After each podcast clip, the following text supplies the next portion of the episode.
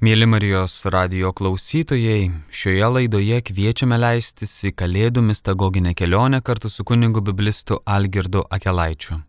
Girdėsite 11 dalį. Iš Evangelijos pagal Joną pirmojo skyriaus. Kita diena vėl stovėjo Jonas ir du iš jo mokinių. Ir įsižiūrėjęs į einantį Jėzų sako, antai, avinėlis Dievo. Ir išgirdo tie du mokiniai jį kalbant ir nusekė paskui Jėzų. Atsigręžęsgi Jėzus ir išvykęs juos sekančius, sako jiems, ko ieškote? Tiegi pasakė jam, rabbi, išvertus tai reiškia mokytojau, kur lieki? Sako jiems, ateikite ir pamatysite. Atėjo ten ir pamatė, kur lieka, ir pas jį pasiliko aną dieną. Valanda buvo maždaug dešimta. Buvo Andriejus, brolis Simono Petro, vienas iš tų dviejų, išgirdusių iš Jono ir nusekusių paskui jį suranda šitas pirma brolį savo, Simoną, ir sako jam, suradome Mesiją. Išvertus tai reiškia Kristų. Atvedė jį pas Jėzų. Įsižiūrėjęs į jį, Jėzus pasakė, Tu esi Simonas, sūnus Jono, tu būsi vadinamas Kefas. Tai verčiama Petras. Šiandien Jono Evangelijoje skaitome pirmųjų mokinių pašaukimo pasakojimą ir pagaliau tarsi taip jau irgi galim atsikvėpti vėl šiokėdienis kalėdų laike, galime tarsi, na taip, kvėptelėti, bet labai reikšminga, kad pradedame antrąją kalėdų laiko savaitę ir po šio jau antrojo sekmadienio kalėdų laiko iš karto bažnyčia mums rodo jau suaugusi Jėzų. Tai yra vat, kalėdų tarsi tokia, na, trečioji dalis, tas trečiasis kalėdų etapas, tai yra jau mūsų mokinystės laikas. Tai, ką mes kaip provaizdį dar šitos mokinystės pamatėme jau antrą kalėdų dieną, kai minėjome kankinį šventąjį Steponą, dabar pagaliau bažnyčia mus kviečia tai tiesiog patirti ir priimti Evangelijoje, kur matome, kad Jėzus Jono pasakojime pasišaukia pirmosius mokinius.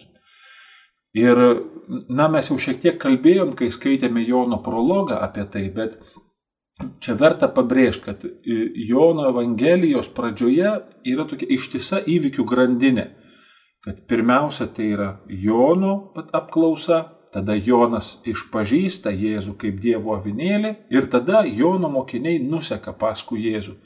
Va tai kaip pasakyta buvo ir tam himne, kurį čia skaitėme.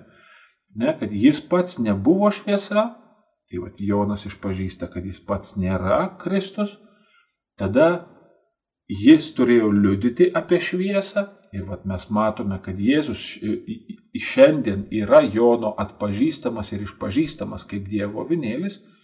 Ir tada pasakyta tenai tam himne, įdant visi įtikėtų per jį.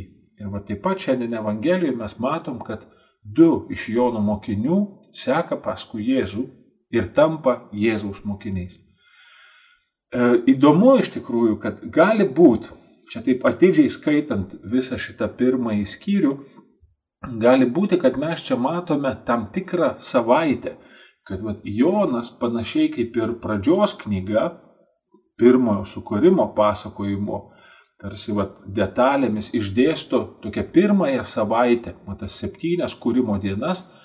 Ir čia irgi yra tokių laiko nuorodų, kur jas taip gražiai sudėliojus gautųsi, kad tarsi yra va, ta pirmoji šventoji savaitė, kurią eina irgi mokiniai drauge su Jonu Krikštytoju, o po to su Jėzumi. Šiandien ištraukoje irgi tokia na, visai įdomi gal remarka, kad mes randame du mokinius paminėtus. Vieno iš jų vardą žinome, kad Andriejus, kito iš jų vardo nežinome ir po to dar sužinome vat, Simoną. Tai tarsi trys mokiniai, du iš jų vardais. Ir iš tikrųjų Jonas mini 12 paštalų, bent keturis kartus, bet niekuomet nepamini jų visų vardais. Nerandame paštalų sąrašo Jono Evangelijoje. Yra paminėti tik aštuoni mokiniai ir tik septyni iš jų yra paminėti vardais. Ir čia vėlgi toksai bruožas, kur galbūt tikrai patvirtina tokia egzegetų ir teologų išvalga, kad Jonas savo Evangeliją rašo kaip tam tikrą papildymą sinoptinių Evangelijų pasakojime ir tai, ką jisai randa jau sinoptikų Evangelijose, mato Morkaus ir Luko, jisai to savo Evangelijoje nebekartoja, pavyzdžiui, mokinių sąrašo. Eikime dabar prie pačios Evangelijos ir mėginkime tiesiog vat, atidžiai skaityti, ypač kai kurias detalės vat, eilutėse.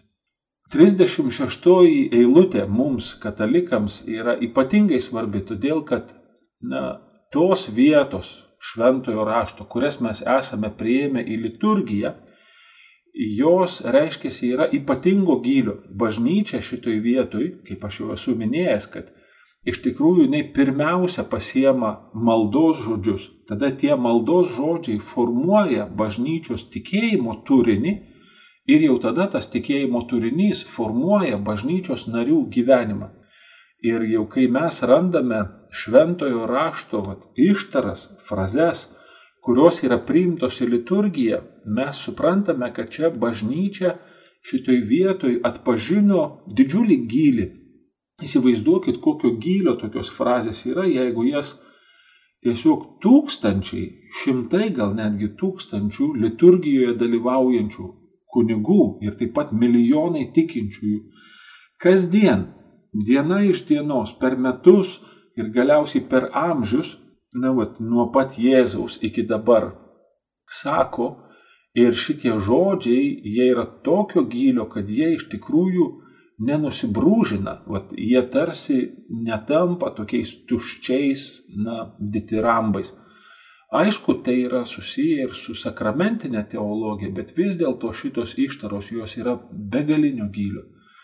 Ir vat, čia verta kažkaip pasižiūrėti, ne? Prieš pat, prieš pat jau priemant komuniją, kunigas iškėlęs ostiją, perlaužta, jisai kartoja šitą Jono Krikštitojo šūksnį ir sako, štai Dievo vinėlis.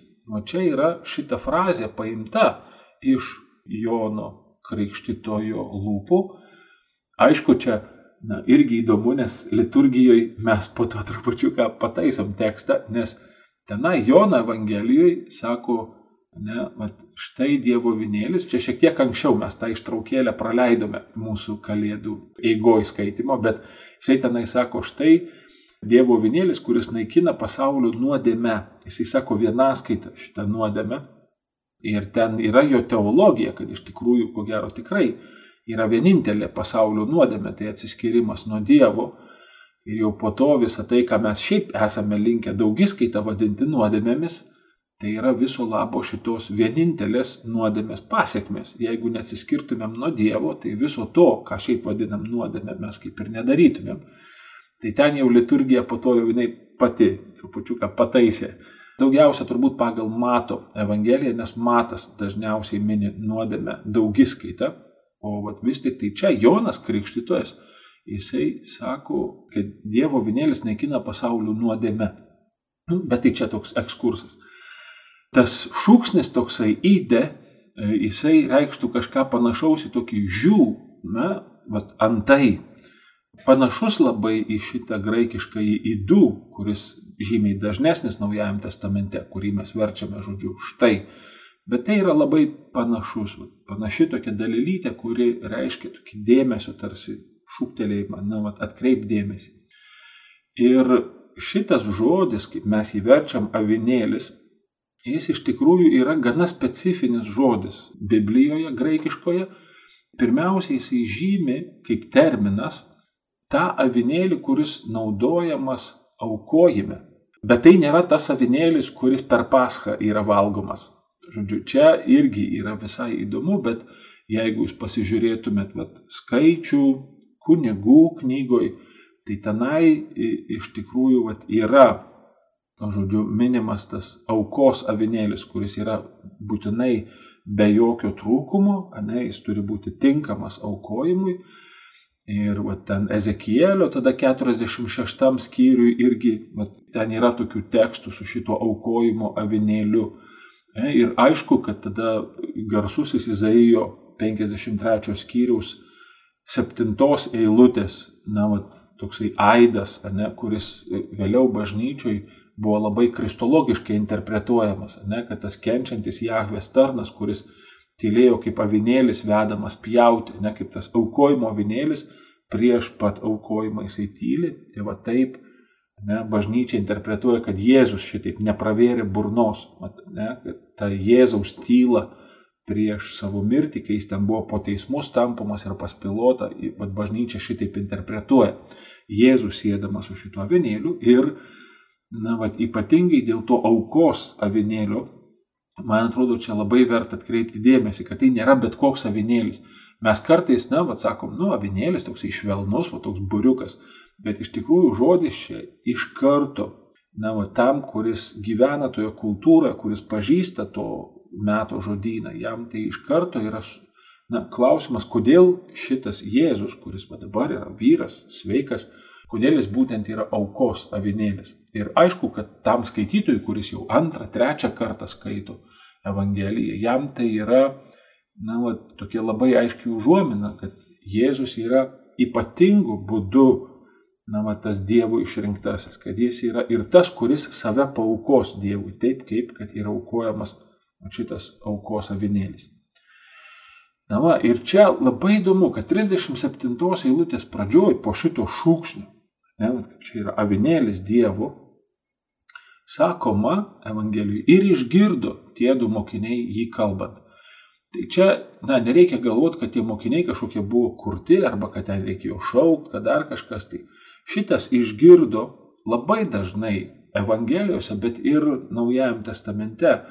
Jisai reiškia, na, vat, kad jie suprato, ką Jonas nori pasakyti. Na, vat panašiai ir mes, tokioj bendriniai kalboje, kai sakom žmogui, aš girdžiu, ką tu sakai, ne, tai mes norim pasakyti, aš suprantu, ką tu turi omeny.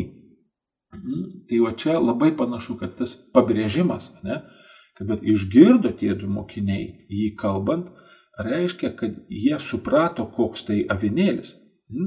Ir gali būti, kad netgi būtent iš to supratimo ir kyla jų apsisprendimas sekti Jėzų, ta prasme, eiti paskui Jėzų. Nes jie galbūt užčiuopia, kad vat, Jėzus yra tas, kuris atiduoda save. Ir aišku, kad tokį mokytoją kiekvienas iš mūsų svajojame turėti. Mokytoją, kuris yra pasiruošęs visiškai atiduoti save. Šitokius, na, vat, mes taip net ir vadinam tos žmonės, sakom, atsidavęs, ne, vat, atsidavęs mokytojas, tai yra didžiausia dovana mokiniui. Ne, nes toksai mokytojas jis yra tikras idealas. Ne, paskui tokį žmogų arba asmenį, vat, Kristų, kuris atidavė save, mes iš tikrųjų ryštamės paskui jį sekti su didžiuliu atsidavimu, nes jis pats save atidavė ir todėl jisai yra patikimas. Ne todėl, kad jis būtų užsitarnavęs ar kad čia būtų tarsi suvaidinęs kažkokį tai gerą spektaklį save atiduodamas, kad užsitarnautų tarsi mūsų pasitikėjimą. Bet jisai mums yra patikimas dėl to, ką mes jame atpažįstame.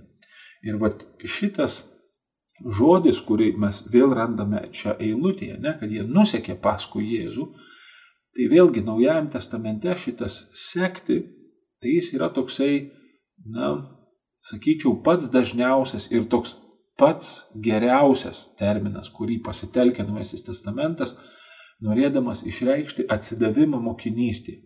Kad bet, mokinys tarsi save visą atiduoda mokytojui, tai vat, labai dažnai šitas žodis, vat, akoliutheo, iš kurio vėliau kilo netgi tokia bažnytinė tarnystė, akolitas, ne, tai va tas, kuris seka Jėzumi, Ne, tai va tas Jėzaus sėkimas tai yra atsidavimas jam mokinystėje, Ir va, tas jų ko gero atpažinimas, kad kadangi Jėzus yra tas, kuris save aukoja kaip pavienėlis Dievui, todėl verta yra jų sekti ir jie žengia paskui jį. Na va, bet tai yra Jono Krikštitojo mokiniai. Ir šiaip jau beveik visi evangelistai sutarė, kad Jonas Krikštytojas turėjo savo mokinių būrį ir netgi ten Kai kur tokios įtampos matosi tarp Jėzaus mokinių ir Jono mokinių, arba tarp Jono mokinių ir anometinių judėjų. Ir todėl čia, na, iš tikrųjų, aš tai įsivaizduoju taip labai bendražmogiškai, kad, na, jam kaip mokytojui atiduoti kitam savo mokinius, tai yra, na, labai skaudi patirtis iš tikrųjų. Ir aišku, kad, vat, na, mes turime tą tokį visiškai jau tokia, na, klasikų klasika tapusi tą Jono pasakymą, vat, jam skirta aukti, o man mažėti. Ir tikrai, vat, kažkaip aš tai įsivaizduoju, kad na, Jono asmenybė, Jono krikštytojo aš turiu omeny, iš tikrųjų, na, ten yra kažkas tai tokio, nes tai visiškai nepanaikina ten jo vidinių dramų, jo rūpeščio ir jo nesupratimo ir ten, na, tokio nesaugumo, kai jis jau savo mirties akivaizdoje siunčia pas Jėzų mokinius, sakydamas, na, ar aš nesuklydau, ar tu tikrai esi tas, kuris turi ateiti. Ir vis dėlto, kai kita vertus jisai sako, ne, kad aš vat stoviu šalia Jėzus kaip jaunikio ir vat, aš džiaugiuosi girdėdamas jaunikio balsą, ne, vat, mano džiaugsmas yra pilnas, kai aš girdžiu jo balsą. Žodžiu, tikrai čia Jonas Krikštytojas jis yra unikali asmenybė ir vat, ta jo tokia laisvė, ne, kad mes negirdime tenai, kad jis tarsi sakytų tiems mokiniams, kur jūs čia dabar susirošėt, ne, kad vat, iš jo atpažinimo, vat, tai kaip jisai atpažino Jėzų. Šitie mokiniai galiausiai nusprendė sekti Jėzų, tapti Jėzaus mokiniais. Ir va čia ta Jono tokia laisvė, kad jisai iš tikrųjų mes nerandame, kad jis būtų mėginęs sulaikyti tos mokinius ar juos kažkaip tai pasisavinti, jinai yra labai panaši į va tą Jėzaus laisvę, kai mes matome, jog ir Jėzus, jisai yra, na, va, toksai, kuris nepririša prie savęs, at, kad iš tikrųjų žmonės tarsi labai lengvai randa prieimą prie Jėzus, bet taip pat Jėzus juos lengvai ir paleidžia. Bet tuos, kurie nusprendžia su juo nebevaikščioti, Jėzus juos paleidžia, nei ten pasmergdamas, nei prakeikdamas, nei kažkaip ten aiškindamas, žinai, kad jūs čia dabar šiokie tokie anokie. Tai tas irgi yra kažkaip greta viso to radikalumo šitos mokinystės, kai Jėzus sako, kad tik jis gali suteikti išgelbėjimą, vis dėlto ta jo laisvė paleisti tos žmonės, kurie nusprendžia nesekti paskui jį kaip paskui mokytoją. Ir vis dėlto mes čia matome tokią mokinystės pradžios dinamiką, kad viena vertus tie mokiniai tarsi ir žengia paskui Jėzų, bet savo gale tarsi įsiprašyti Jėzui į mokinius, jie negali. Ir čia šitos mokinystės pradžios iniciatyva priklauso Jėzui. Tai jis atsigrėžia ir tai jis juos klausia. Ir čia pačio Jono Evangelijoje, berots 15 skyriui, Jėzus po to sako savo mokiniams, pabrėždamas, vad ko gero, šitą pačią dinamiką, kad ne jūs mane išsirinkote, bet aš esu jūs išsirinkęs. Ir čia Jono Evangelijai tai labai būdingas, bet iš tikrųjų ir visoms Evangelijoms tas pirmųjų mokinių pašaukimas, jisai yra toksai, kad ta iniciatyva, jinai yra Jėzaus iniciatyva ir kad vat, ne šiaip savo mes šitą mokinystę, kurią mes atpažįstame Jėzuje Kristuje, vadiname pašaukimu, nes tai kyla iš Jėzaus atsigrėžimo, iš to, kad Jėzus mane mato ir jisai mane kviečia. Ir aišku, mes na, siekiame atpažinti šitą jo kvietimą. Čia turbūt, kad žmogui gyvenime nėra na, nieko gražesnio už šitą suvokimą, kad vat, tu Dieve mane kvieti, tu Dieve mane šauki, kad aš tapčiau tavo mokinys. Aišku, vėliau ta mokinystės keli, ten visokių būna balabaikų, ten būna, kad ir iš tikrųjų nusiriti iš tos mokinystės visai kur nors. Ir vis dėlto tas kvietimas, jisai, vat, mes po to tai bažnyčiui sakom, jisai kiekvienam žmogui yra skirtas. Kristus kiekvieną žmogų prašnekina, kad būtent jis yra tas tėvo išsirinkimo, na, vat, kelias, kuriuo tėvas mus išsirenka. Tai Čia mes atpažįstame, kad Dievas mus kviečia, tai vad, kai Kristus mus pašaukia. Na va, ir tas jo klausimas, kuriuo jisai kreipiasi į šitos mokinius, sakydamas, ko ieškote, tai čia reikėtų prisiminti, kad tas um, veiksmažodis dzeteo graikiškai jisai reiškia ne tik tai tokį ieškojimą, na, va, tarsi nežinau, kur padėta, tai dabar ieškau, bet kad tai gali reikšti ir sieki. Maždaug, na, va, o ko tu sieki?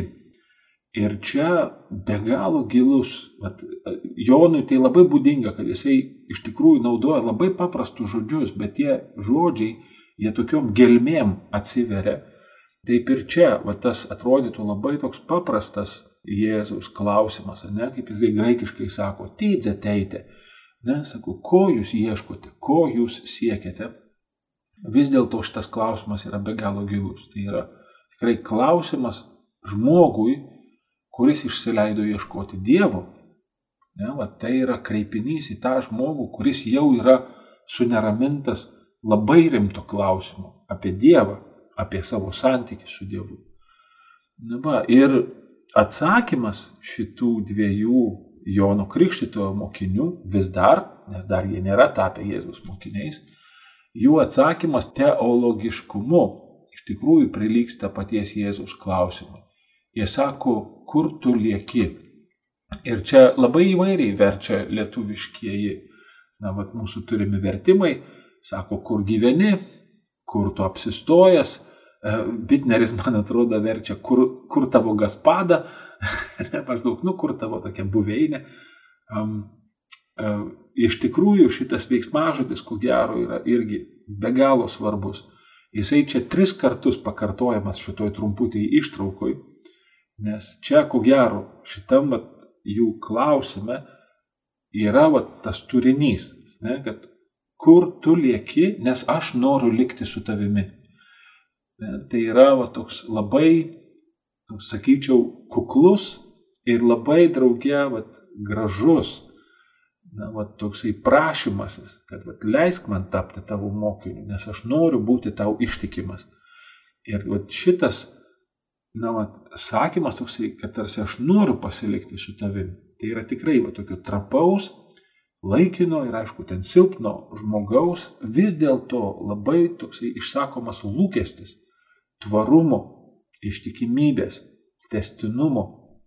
Ir čia vat Jėzus ko gero atsiliepia į šitą mokinių lūkestį, nesakydamas, kad vat, aš jūs išsirinkau ir paskyriau, kad jūs eitumėte, duotumėte vaisių ir jūsų vaisiai išliktų na, va, čia tas tikrai Jėzaus išrinkimas, kad mes tarsi suvienyje savo likimą su Jėzaus likimu. Mes iš tikrųjų jame užčiuopiame šitą amžinybės va, dvelgsmą. Tai čia yra be galo gražu. Ir va šitas toksai irgi tų mokinių, įsivaizduokite, tai yra suaugę vyrai, ne, kurie apsisprendė sekti paskui šitą, ne, irgi vyrą kaip savo mokytoją. Na, va, jie tikrai renka žodžius šičia kalbėdami. Ir vat, į tą tokį labai gilų Jėzaus klausimą jie atsako nemažiau gilesnių lūkesčių. Klausdami, vat, kur tu Jėzau lieki.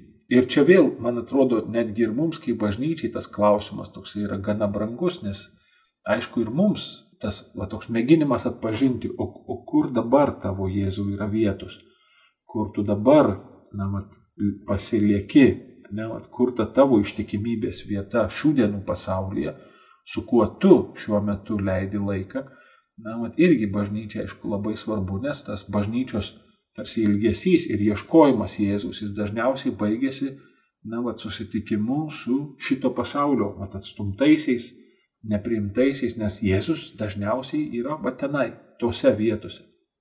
Na va, vėlgi vertėtų atkreipti dėmesį į tokį labai keistą kreipinį, o jie sako rabi. Šiaip tas žodis, jisai, mes puikiai suprantam, kad tai yra aramėjiškas žodis, kuris reiškia, na, va, mokytojų. Bet e, istorikai sako, kad šitas žodis kaip terminas, va, kaip titulas, jis buvo pradėtas vartoti, na, va, mokytojams tik tai maždaug pirmo amžiaus pabaigoje Ir taip sakoma, kad vat, Gamalielis, kurį mes randame minint net ir Naujajam testamente, jis buvo pirmasis, kuriam buvo šitas titulas Rabban priskirtas, tai reiškia pirmo amžiaus vidurys. Na va, tai vėl, čia gali būti, kad tai tiesiog anachronizmas, reiškia, ne iš vėlesnio laiko, tarsi va, toksai pagarbos žodis priskirtas Jėzui, o gali būti, kad tai iš tikrųjų Jėzus yra vienas iš tų ankstyvųjų mokytojų, kuriam šitas titulas buvo priskirtas mokinių, kad mes čia iš tikrųjų randam istoriškai minint ne, va, šitą titulą, kad Jėzus buvo vienas iš pirmųjų rabių, ne, kuriems šitas titulas buvo priskirtas. Ir vėlgi, na, va, egzegetai taip sako, nors tai nėra visiškai jau taip griežtai, bet tam tikra tendencija tikrai galima ją pastebėti, kad Jono Evangelija yra dalyjama tarsi į dvi dalis. Yra taip vadinama ženklų knyga, kurioje Jėzus daro ženklus. Mes taip sakom vertimuose, kad Jėzus daro stebuklus, bet Jono Evangelijoje tai yra Jėzaus ženklai. Ir tada yra antroji dalis Jono Evangelijos, kuri vadinama šlovės knyga. Reiškia, kur Jėzus apreiškia savo dieviškumą. Ir čia vėlgi sakau, tai nėra taip griežtai apribuota, bet vat, ženklų knygoje, reiškia pirmoje dalyje Jono Evangelijos, mokiniai dažnai Jėzų vadina arba rabi, arba didaskalos. Tai vad didaskalos tai graikiškai yra mokytojas, o jau vad šlovės knygoje mokiniai vis dažniau Jėzų vadina titulų kyrijos, ne? tai reiškia viešpats. Ir tai jau yra žymiai gilesnė įžvalga į tai, kas toks Jėzus yra, nes kyrijos tai jau yra Dievui priskiriamas titulas šventraštyje ir tai reiškia, kad mokinių pažinimas gilėja, jų ta įžvalga auga ir bręsta. Tai čia irgi labai gražu, kad pačioje Evangelijos pradžioje, vat, jie tarsi kreipiasi į jį rabi, bet e, mes žinome iš Evangelijos, kad jų pažinimas auks, kad Jėzus toli toli pranoksta bet kokį mokytoją. Jėzus yra žymiai daugiau negu vien tik tai mokytojas. Vėlgi, tas Jėzaus kvietimas čia dar reikėtų pažymėti, kad tas Jėzaus pasakymas ateikite yra tikrai kvietimas tikėjimui. Jeigu jūs pasižiūrėsit Jono Evangelijoje, tai tas ateiti Jono Evangelijoje yra tikrai labai svarbus terminas. Pavyzdžiui, Jėzus ten sako, ne, ateiti į šviesą. Arba jisai kviečia ateikite pas mane, ne kai jisai sako, aš esu gyvoji duona, ne tas, kuris manęs valgys, nebelgs. Ne, arba tada sako, tas, kuris gers iš manęs, niekuomet nebetrokš. Ir va tas kvietimas ateiti iš tikrųjų yra kvietimas, na, bet atiduoti save šitai mokinystiai. Bet atiduoti save mokinystiai ne ta prasme, kad aš sužinosiu kažkokios informacijos, bet iš tikrųjų tai yra kvietimas apsispręsti tikėjimui. Mes va čia jau nekartą pabrėžiam, kad na, tikėjimas tai yra malonė, tikėjimas tai yra va, Dievo dovana, kurią mes gauname nepelnytai. Ir vis dėlto šita dovana, jinai yra na, laisva dovana. Reiškia, kad žmogus, jisai turi tam tikrą galę apsispręsti arba na, neapsispręsti tikėjimui. Reiškia, arba atmesti šitą malonę, arba vis dėlto jai paklusti. Tai va šitas Jėzaus ateikite, žymė, vėlgi čia mes neaptarinėsime, nes čia mes tikrai parą čia užtruksime. Bet tai žymė va, tam tikrą tikėjimo apsisprendimą. Ir vėlgi tas Jėzus pamatykite, ne, irgi žymi tikėjimą, bet vat, jau kitą aspektą to tikėjimo. Ir vis dėlto tai yra dvigubas kvietimas tikėti. Nes vat, tas matyti Jono Evangelijoje vėlgi yra labai susijęs su tikėjimu. Jeigu jūs vat, pasižiūrėsit Jono Evangelijoje šeštam skyriui, 40 eilutė, ne, sako, kad kas mato ir tiki sūnų, turės amžinai gyvenimą. Čia mes tikrai matom, kad va, tas regėjimas, ne, reiškia supratimas, kas toks Jėzus yra. Ne, o suprasti ir pažinti, kas toks Jėzus yra, įmanoma tik tai tikėjimu. Ne, tai, va, tai yra susijęs su mūsų amžinuoju gyvenimu. Ne. Žodžiu, čia yra e, labai, sakau, ta Jono terminija, ją labai paprasta yra versti, žodžiu, Jono Evangelija yra lengviausia versti. Bet e, teologiją jos, vat, apriepti, pamėginti kažkaip tai apibūdinti šituos žodžius, tai jinai labai labai užtrunka, nes tenka tiesiog vat, nerti į tokias gelmes, kad Jonas po šitais paprastais žodžiais iš tikrųjų slepia labai labai tokius galingus teologinius turinius. Ir vėlgi, na va čia nagrinėtojai šitų pirmųjų pasakojimų Jono Evangelijoje, jie taip kartais vadina šitas ištraukas iki kanos vestuvių tokiu mokinystės dinamikos konspektu. Kad vat, mes tai, ką čia šiandien skaitom, yra tokia mokinystės pradžia, tai reiškia eiti, pamatyti, kur Jėzus lieka ir tada likti su juo. Ir galiausiai kulminacija šitos mokinystės tai yra kanos vestuvių, ne, ženklo vaisiai, kad mokiniai pamatė jo šlovę ir įtikėjo. Bet tai yra toks mokinystės tarsi nuo A iki Z. Ne, va, žodžiu, prasideda viskas nuo ėjimo paskui Jėzų, ne, tada Jėzaus iniciatyva, tada va, pamatyti, kur jisai lieka ir likti su juo, kol galiausiai mums bus atverta jo šlovė ir tada va, mes šitos šlovės akivaizdu atpažinę Jėzus dieviškumą galėsime atsiverti jam tikėjimu iš malonės. Na va, tai čia, ko gero, tai tokia pilnatvė šitos mokinystės, vat, kas yra tada šita mokinystė, kuri susijusi su Jėzaus dieviškumu, atpažinimu ir įtikėjimu. Tai čia vat, Jono Evangelijoje 12 skyriui 26 eilutė. Ne, Jėzus sako, norintis man tarnauti, teseka paskui mane. Kokia to pilnatvė? Ten, kur esu aš, bus ir mano tarnas. Ir čia jau mes kalbam tai, apie ką sako krikščionybė, žmogaus sudėvinimą. Tai čia Jėzus tikrai kalba apie amžinybę, apie savo vienybę su tėvu. O tai, ką mes prologę skaitėm, dabar šitas įsikūnijęs žodis 12 skyriui, jisai sako, tu būsi ten, kur ir aš. Sek todėl manimi, lik man ištikimas. Hmm? Ir čia vėl mes negalime nutilėti to, kad Jėzus vėl yra labai panašus į Senojo testamento išmintį. Nes vat, tai, kas čia vyksta šitoje ištraukoje, yra labai labai arti to, kaip Senasis testamentas rašo apie tą išmintį, kuri kartais yra tiesiog personifikuojama kaip moteris. Ne? Kad, vat, pavyzdžiui, išmintis yra matoma tiems, kurie ją myli. Ne, reiškia, kad tas, kuris myli išmintį, jisai tą išmintį atpažįsta. Panašiai kaip ir Jėzus, ne? kas Jėzumi tiki, tas atpažįsta, kas toks yra Jėzus. Tada išmintis leidžiasi randama tiems, kurie jos ieško. Taip kaip ir Jėzus. Ne, tiems, kurie jos seka, jisai atveria tą mokinystės galimybę. Taip pat išmintis pasitinka tuos, kurie jos siekia. Ne, kad at, išmintis, jeigu jinai pamato išminčių siekiantį, ne, jos, jinai pati tarsi skuba jam į pagalbą jį pasitikdama. Ir netgi dar daugiau, pati išmintis ieško tų, kurie jos verti ir pasirodo jiems dar pakeliui. Ne, vat, žodžiu, kad ta išmintis viena vertus jinai yra paslėpta ir jos reikia va, taip, ieškoti, ir kita vertus, kad ją įmanoma rasti. Nors tas radimas, jisai toksai, na, panašu, kad vat, aš leidau tavęs ieškoti, man atrodo, kad aš tave suradau išmintie, bet iš tikrųjų tai yra toks atpažinimas, kad tai tu išmintie mane atradai, tai, tai aš esu atrastas.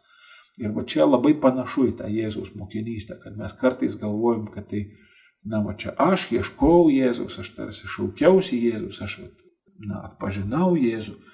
Nors iš tikrųjų tai visos tos mokinystės giliau pamašus ir ten giliau pakapšius, iš tikrųjų tai yra toks pripažinimas, kad taip Jėzau, tai tu mane atradai. Tai ne aš čia susigalvojau, bet tai tu mane atradai, tai tu mane pakvietei, mano mokinystė iš tavo malonės ir tavo gerumo. Mm? Šita, mat, Jėzaus ir išminties paralelė, jinai labai įdomi. Rytų bažnyčiai jinai tokia tikrai įėjusi į tokią naują testamentinę kristologiją, vakarų bažnyčiai ne, ne taip stipriai. Na va, ir čia mes prieiname prie antros dalies šiandienos Evangelijos, tai va, ne, vieno iš tų, kurie buvo pas Jėzų, įvykiai susiję su juo, va, su Andrėjumi. Žodžiu, 40 eilutėj nelabai aišku, ar čia jau yra kita diena yra tokia įdomi interpretacija, kad jeigu, jeigu 39 eilutėj, ne, o ten, kur yra pasakyta, kad buvo maždaug 10 valanda, jeigu tai yra penktadienio vakaras, tada reiškia, kad jau jiems tenai esant prasidėjo šabas. Tai reiškia, kad šitie mokiniai, kai ten sakoma, kad jie praleido vat tą dieną su juo, tai čia gali būti ta diena iš didžiosios raidės, ne, šabas. Gali būti, kad jie tenai su Jėzum praleido ne vieną vakarą, bet gali būti, kad jie praleido visą parą su Jėzumi, nes jie nuėjo pas jį penktadienio vakare ir praleido su juo visą šabą.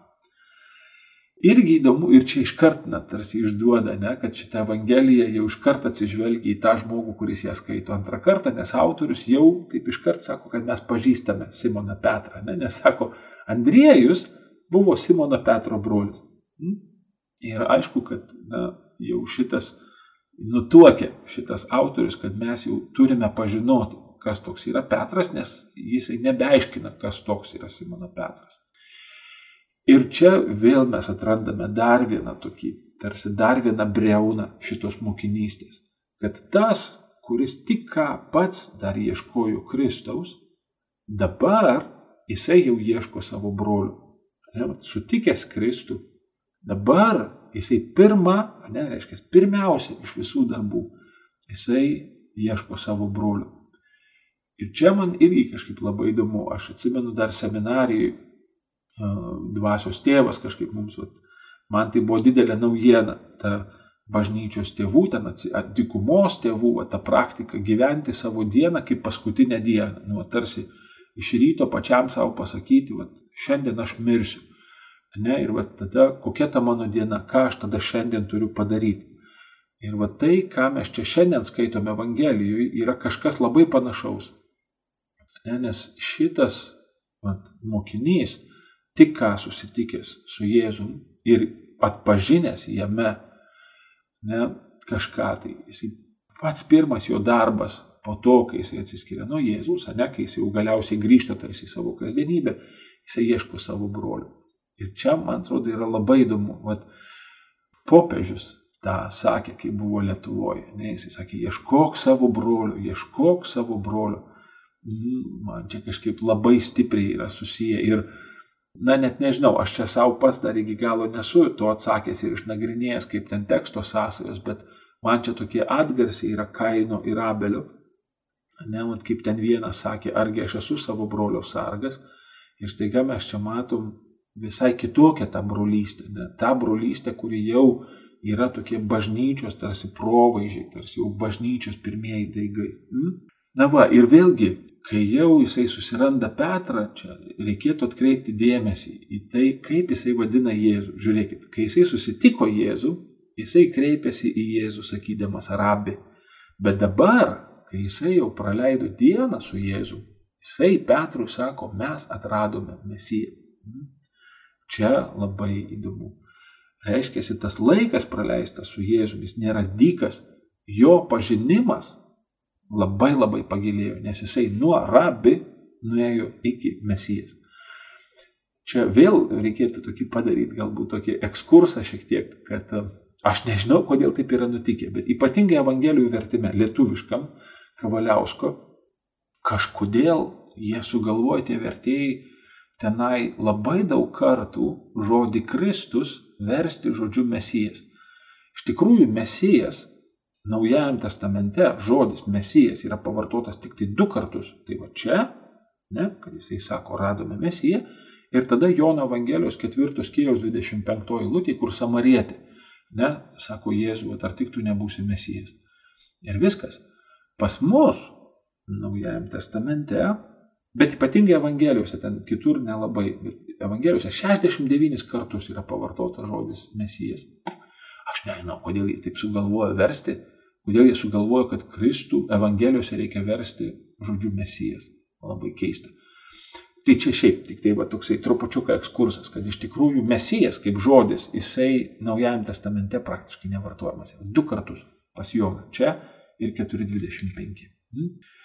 Na, mat, ir gali būti, kad čia mes mat, randame tą tokį akstiną, kas pastumėjo Andriejų ieškoti savo brolių. Tai va būtent tas atpažinimas, kad jisai supranta, kad čia yra Kristus, čia yra tas Dievo pateptasis. Aš atsimenu, seminarijai pas mus buvo atvažiavęs iš Amerikos toksai tėveliukas, kuris ten mums tokį seminarą vedė. Tai jis toksai jau amžiui buvo dar, matyt, gyvenime toks irgi biški pastinkavęs, toks nepersivalgydavo, tai jis toks, toks atrodo toks subirės, toksai tėvelis, toks kūdas. Ir jis su mumis skaitė šitą ištrauką ir jisai sakė, negi jūs sako, galvojat, kad jis atėjo pas Petrai sakė, nu ką, nu radome mesiją, žinai.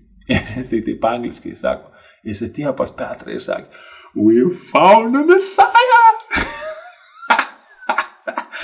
Labai kažkaip tada mes išvengėm ten jau, kažkaip taip jisai nušovė mus ten su tą Evangeliją, ne, kad iš tikrųjų čia mes galim matyti Andrėjų, ne, kad jisai va, atlėkė visas toks, žinai, susitaršusiais plaukais. Ir vėlgi, tai čia kartojasi trupučiuką va, tą Jono krikštitojo ir jo mokinių situacija, ne, nes ten taip kaip Jonas tarsi paleido savo mokinius ne, su Jėzumi, panašiai ir Andriejus, ne, Jono Evangelijoje jisai atpažino Jėzų kaip Kristų.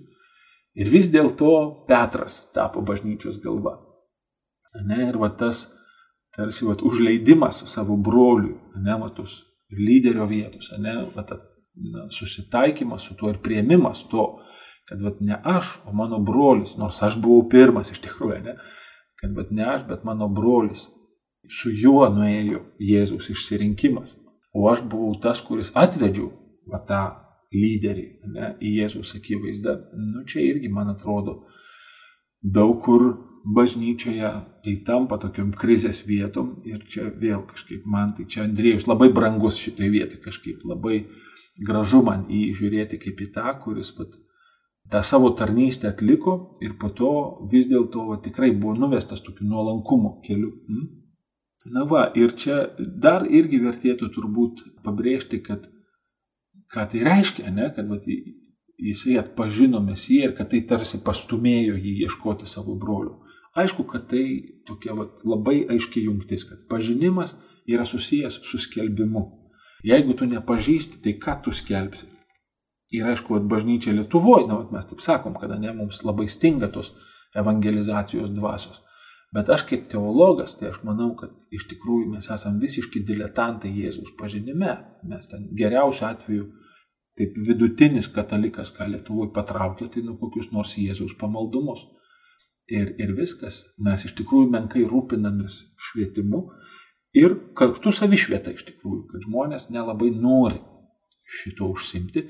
Tai čia jūs, kurie žiūrit šitas mistagoginės kelionės, tai jūs tai čia esat unikumas Na, va, bet aš manau, kad tai yra susiję. Tai, kad mes menkai pažįstame Jėzų, mes tada labai jaučiamės tokie, na, išmušti iš vėžių ir nesijaučiame gali Jėzų skelbti. Ir tai dar priedo yra aišku susiję ir su tuo, kad mes patirties Jėzaus neturime. Ne? Kad retas, kuris žmogus Lietuvoje gali iš tikrųjų drąsiai sakyti, taip aš esu sutikęs Jėzų gyvenime, taip aš žinau, ką reiškia patirti Jėzų, taip aš tikiu gyvą Jėzų, gyvą, nes aš žinau valandą, dieną, kada aš Jėzų sutikau. Tai va šito mums iš tikrųjų reikia labai labai melstį bažnyčių Lietuvoje ir va čia šitas Andrėjaus vatas, ne toks tarsi išjudėjimas pas savo brolį. Jis aišku kyla iš to, ką jis atpažino Jėzuje. Na va, Ir tikrai, na, vat, čia dar įdomiau, kad Evangelija imasi ir tokios pedagogikos. Ta prasme, kad visi šitie pasakojimai, kurie viena vertus žymi tokias labai autentiškas patirtis su Jėzum, jie yra mokykla ir skaitytojui. Nes tiek Jonas Krikštytojas, tiek dabar vat, mokiniai, jie pasitelkia labai rimtus Senojo testamento titulus, kurie šiaip jau yra su tokiom irgi labai giliom teologiniam šaknim ir dabar jie tuos titulus priskiria Jėzui. Žiūrėkite. Ne, nuo 35 iki 42 eilutės va šitam skyriui. Jie sako apie Jėzų, kad jis yra rabbi, kad jis yra mesijas, ne, kad jis yra mokytojas, kad jis yra pateptasis. Tada va, nuo 43 iki 50 eilutės jie sakys apie Jėzų. Jis yra tas, apie kurį rašė Mozė ir pranašai. Ne? Tada jis bus pavadintas Dievo sūnumi ir Izraelio karaliumi.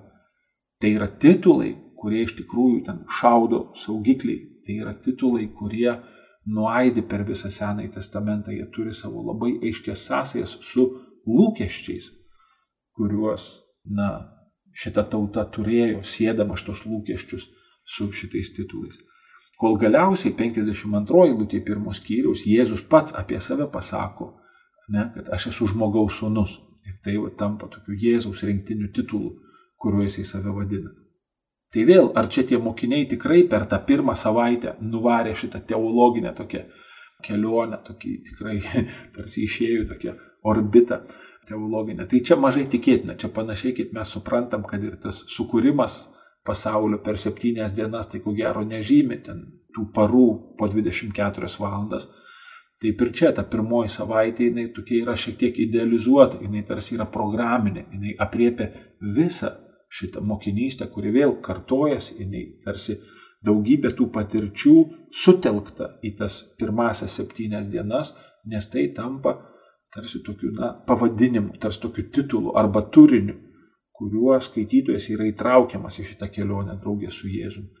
Ir tą labai aiškiai kitos Evangelijos pabrėžia, nes tai įsivaizduokit, pavyzdžiui, Morkaus Evangelijoje, tai tik vidury Evangelijos, ten labai griežtai ištara, jinai dalina Evangeliją į pirmą ir antrą dalį. Tai ten tik aštuntos skyrius vidury Petras pasako Jėzui, tu esi Kristus ir tai yra didžiulė naujiena. Ne? Žodžiu, tai čia vat, šitie titulai šitaip sutelkti į vieną vietą, jie tikrai yra tam tikra programa.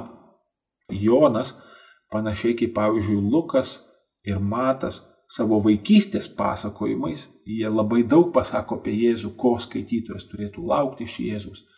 Tai vad Jonas čia tą daro per mokinius. Žodžiu, čia yra irgi toks mokinių vaikystės pasakojimas. Tai yra tokia ankstyvoji mokinystė, kuri irgi labai idealizuota, jinai labai tokia tiršta ir turtinga teologiškai, nes jinai galiausiai bus atskleista visos Evangelijos pasakojime. Ir šitos dalies vat, ir mūsų ištraukos pabaiga tai yra Petro vardo pakeitimas.